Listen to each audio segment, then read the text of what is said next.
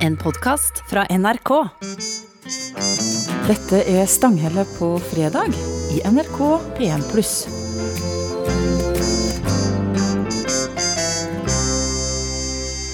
I disse dager er det 60 år siden straffesaka mot eh, Adolf Eichmann starta i eh, Jerusalem.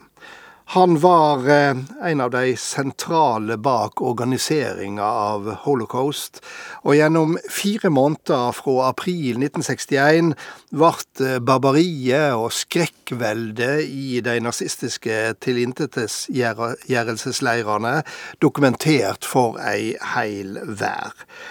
Eichmann sjøl tok ikke på seg noe personlig skyld, han fulgte bare ordre, sa han, og slik viste han også hvordan nokså alminnelige mennesker kunne ende opp som villige reiskap i ondskapens eh, tjeneste. Og velkommen til deg, eh, professor Bernt Hagtvedt. Takk, du. Knapt eh, noen eh, her på berget har gått dypere inn i problematikken rundt eh, Eichmann enn jeg. Og for kanskje å begynne med begynnelsen, hva var bakgrunnen til denne 55 år gamle tyskeren som i disse dager for 60 år siden var stilt for retten i Israel? Han var født i 1906 i Solingen. Familien flyttet senere til Oberösterreich, og der kom eh, protestanten inn i en katolsk familie. Eh, mange som har diskutert Eichmann, har lagt veldig vekt på at han kom til et fremmed miljø, men det tror jeg er en blindvei. Han eh, levde opp i et ganske normalt hjem. Han ble gjenstand for det samme type overgrep og slag som Hitler ble. Det var naturlig i den tiden og i den perioden. Han var dårlig på skolen. Faren tok ham ut fra realskolen og fikk ham ansatt til slutt som petroleumsselger eh, i et eh, oljeselskap. Han reiste rundt, han var utsatt for en ulykke. Noen biografer har gjort mye ut av det, at han fikk en hjerneskade, men det er også en blindvei, tror jeg. Men han eh, mislyktes helt på skolen, og han ble fanget opp av Ernst Kaltenbrunner, felles østerriker, som senere ble hengt i Nürnberg. Og som, som var sentral nazist. Sentral i SS. Han ble fanget opp, og så ble han, som mange andre, satt til arbeid i SS og fikk masse oppgaver, og det førte rett til, eh, til hans forbrytelse. Det er kanskje ett punkt som er ganske viktig. Han gjorde seg eh, ganske uunnværlig fordi han fant den såkalte Eichmann-modellen. Han brukte rike jøder til å betale utfarten i deportasjonen av fattige jøder. Det gjorde han først i Praha og senere i Berlin, og det, ham, det ga ham en, en god ja, en nimbus, kan man si, i SS. Var han en god organisator? Han var en god organisator. Han, det var ikke en jøde som slapp unna. Vi har f.eks. lange brevvekslinger mellom han og en italiensk kvinnelig jøde i Polen som var gift med en, en, en, en protestant som var gift med en jøde, og han kunne få redde mannen umulig. Han gikk etter individer. Og hadde nazistene vunnet krigen, så ville vi hatt en total tilintetgjøring av den jødiske folk fra Hammerfest i Sicilia, fra Irland til Uralfjellene. Innad i det nazistiske hierarkiet hadde han en sterk posisjon? Eh, de fleste så jo at han var den praktiske iscenesetter av holocaust. Wannsee-konferansen 20.1.42.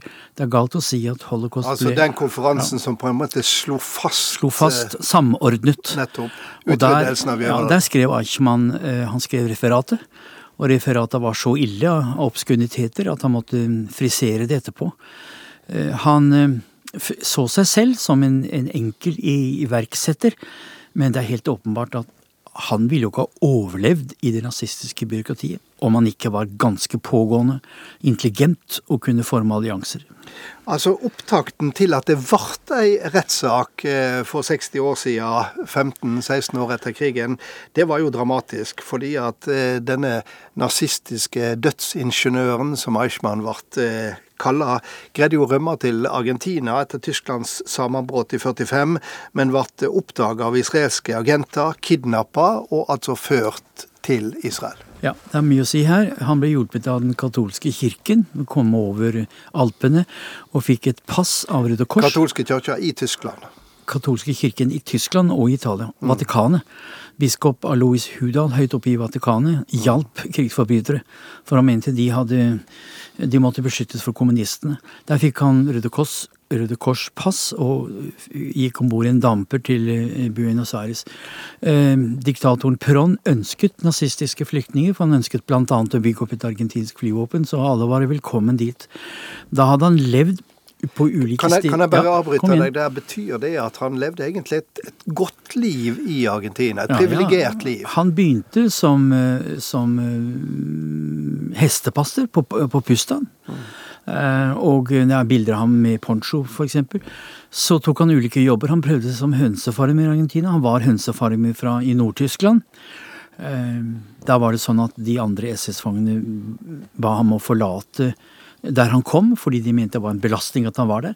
Men i Argentina så var det helt klart at han begynte som, eh, som eh, bonde, og så fikk han kontakt med Mercedes-fabrikken. Så da han ble arrestert, så var han eh, fagarbeider ved Mercedes-fabrikken sør for Buenos Aires i eh, Suárez. Men så, fra det frie livet på Pampas og, og, mm. og, og vel så det, eh, så ble han altså identifisert og kidnappa og tatt med til Israel. Ja, og det var en kjempetabbe. Mossad gjorde en meget dårlig jobb. Det var ikke Mossad som fant Eichmann. Det var en blind jøde med navn Lothar Herman. Og det store sammen, sammentreffet i historien var at datteren til Lothar Herman fikk en kjæreste som het Klaus det var sønnen til Eichmann. Hmm. Klaus Han hadde et annet navn. Eh, den datteren oppsøkte familien hans i, eh, utenfor Buenos Aires, og da så hun en bebrillet kar som ikke hilste noe særlig. Og hun fattet mistanke da Klaus begynte å snakke om at eh, det var synd at Hitler ikke fikk fullført sin oppgave. Da skjønte Lothar Herman hva det dreide seg om, og han gjorde et poeng av ikke å ta kontakt med den vesttyske ambassaden, for den hadde tidligere lekket og bl.a. annet reddet Josef Mengele. Så han tok direkte kontakt med Mossad, men via den hessiske statsadvokat Fritz Bauer. Mm. Og så satt han omsider da på eh, flyet til, eh, til, Tel Aviv. Han, han satt på flyet neddopet, mm. og israeleren sørget for at Abba Eban kom til eh, til Buenos Aires for å markere et jubileum, og han ble neddopet og forkledd. Det var så vidt de klarte det, for den peronistiske ungdomsorganisasjonen var på jakt etter ham fra første stund. Gjennomsøkte mm, gravplassen overalt. Det var så vidt de klarte å få ham ut. Ja, professor Bernt eh, Hagetvedt, vi sitter fremdeles her og eh, snakker om et dystert tema. For nå er det altså 60 år siden holocaust-organisatoren Adolf Eichmann sto for retten i eh, Tel Aviv. Det, ble, det var i Jerusalem, Harald. I Jerusalem. Også. Alt i orden.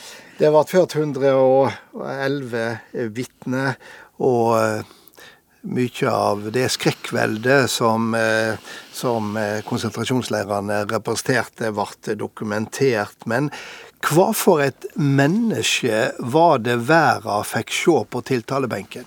Da han kom inn i rettssalen for 60 år siden, så gikk det et gisp gjennom forsamlingen. Eh, det er bl.a. flere holocaust-overlevende satt. Hvordan var det mulig at denne pregeløse kontoristen som uh, attpåtil hadde forkjølet seg og vakte medynk, hvordan kunne han være massemorder? Og det var en som skrek sett på, sett på ham en, en SS-uniform, så vi kan få et riktig bilde av ham. Han fremsto som helt anonym, som pregeløs, og som en mann som ikke hadde noe særlig tankegang, uten moralsk eh, forestillingsevne. Og så har debatten gått nesten helt opp til våre dager. Er det et korrekt bilde om ham? Og da kan man si han gjorde nok et poeng av at hans forsvarsstrategi, det var å nekte for alt inntil israelerne hadde konkret bevis. Det var en avtale som var inngått mellom han og de israelske mennene som tok ham i Buenos Aires. Der underskrev han et dokument der han sa seg villig til å bli stilt for retten. Men hans strategi var hele tiden å nekte inntil israelerne hadde kontrollbevis. Det gjorde forhørene av ham meget kompliserte. En av eh, de som fulgte hele rettssaka, skrev at eh, vi hadde ventet å få oppleve et slags monster.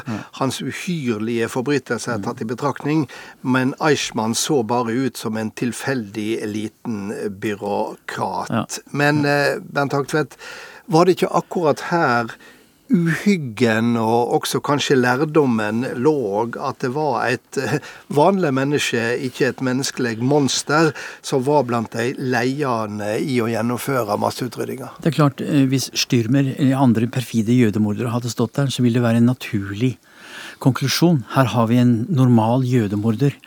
Mens det at du fikk en, en, byråkrat som selv sa at han ikke hatet jøder, ja, som tvert om gjorde et poeng av at han hadde jødiske venner, og som sa at han ikke forfulgte individer, at du hadde altså en, et misforhold mellom hans handlinger og hans apparisasjon og hans, hans uh, måte å, å, komme på. Men jeg vil nok si at han antagelig var veldig bevisst hva hans forsvarsstrategi skulle være.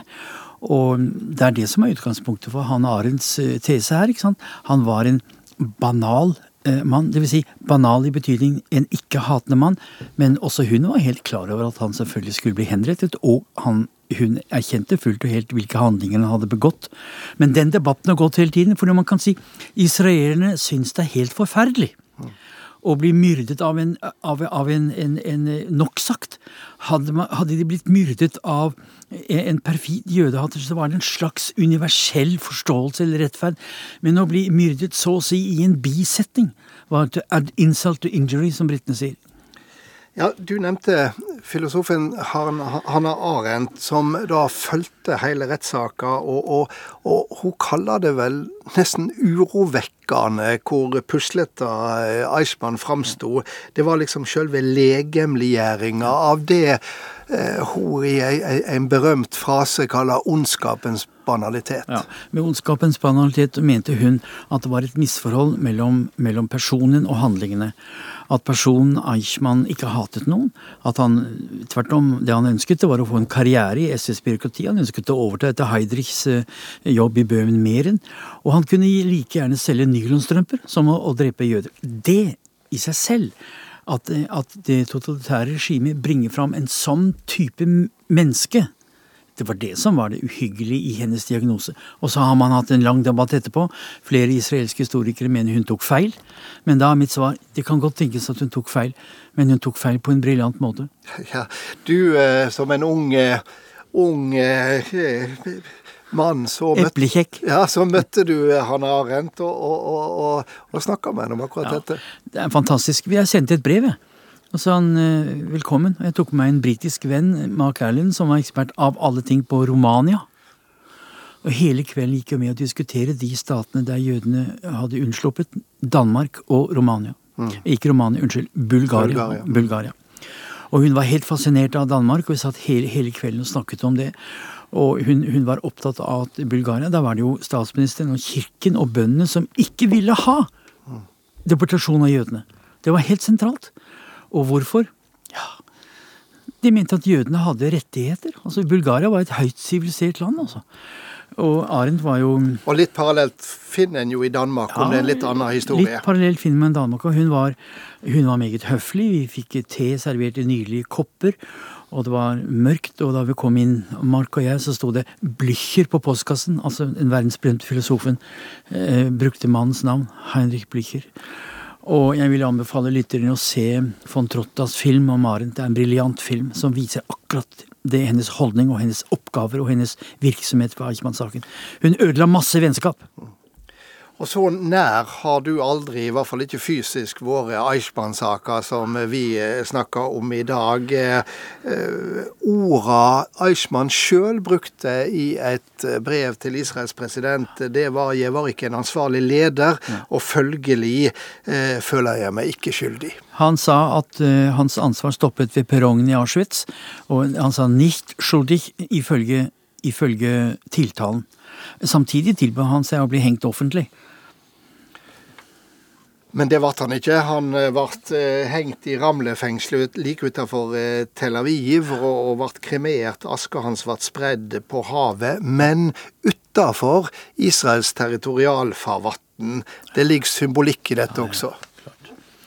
Ja, det er en, en, av de viktigste sakene i det 20. århundret ved siden av Dreyfus-saken og Nürnberg-saken. Fordi det viser veldig klart forholdet mellom juss og politikk. Og eh, vi må ikke glemme at eh, Eichmann fikk den behandling av det israelske rettsvesenet som han aldri ga sine ofre. Det erkjente hans eh, advokat Servatius også. Dystert tema dette, Bernt Hagtvedt, men dessverre et naudsynt tema der du har så mye å bidra med. Så tusen takk for at du delte dine refleksjoner med oss. Dette er Stanghelle på fredag i NRK P1 pluss.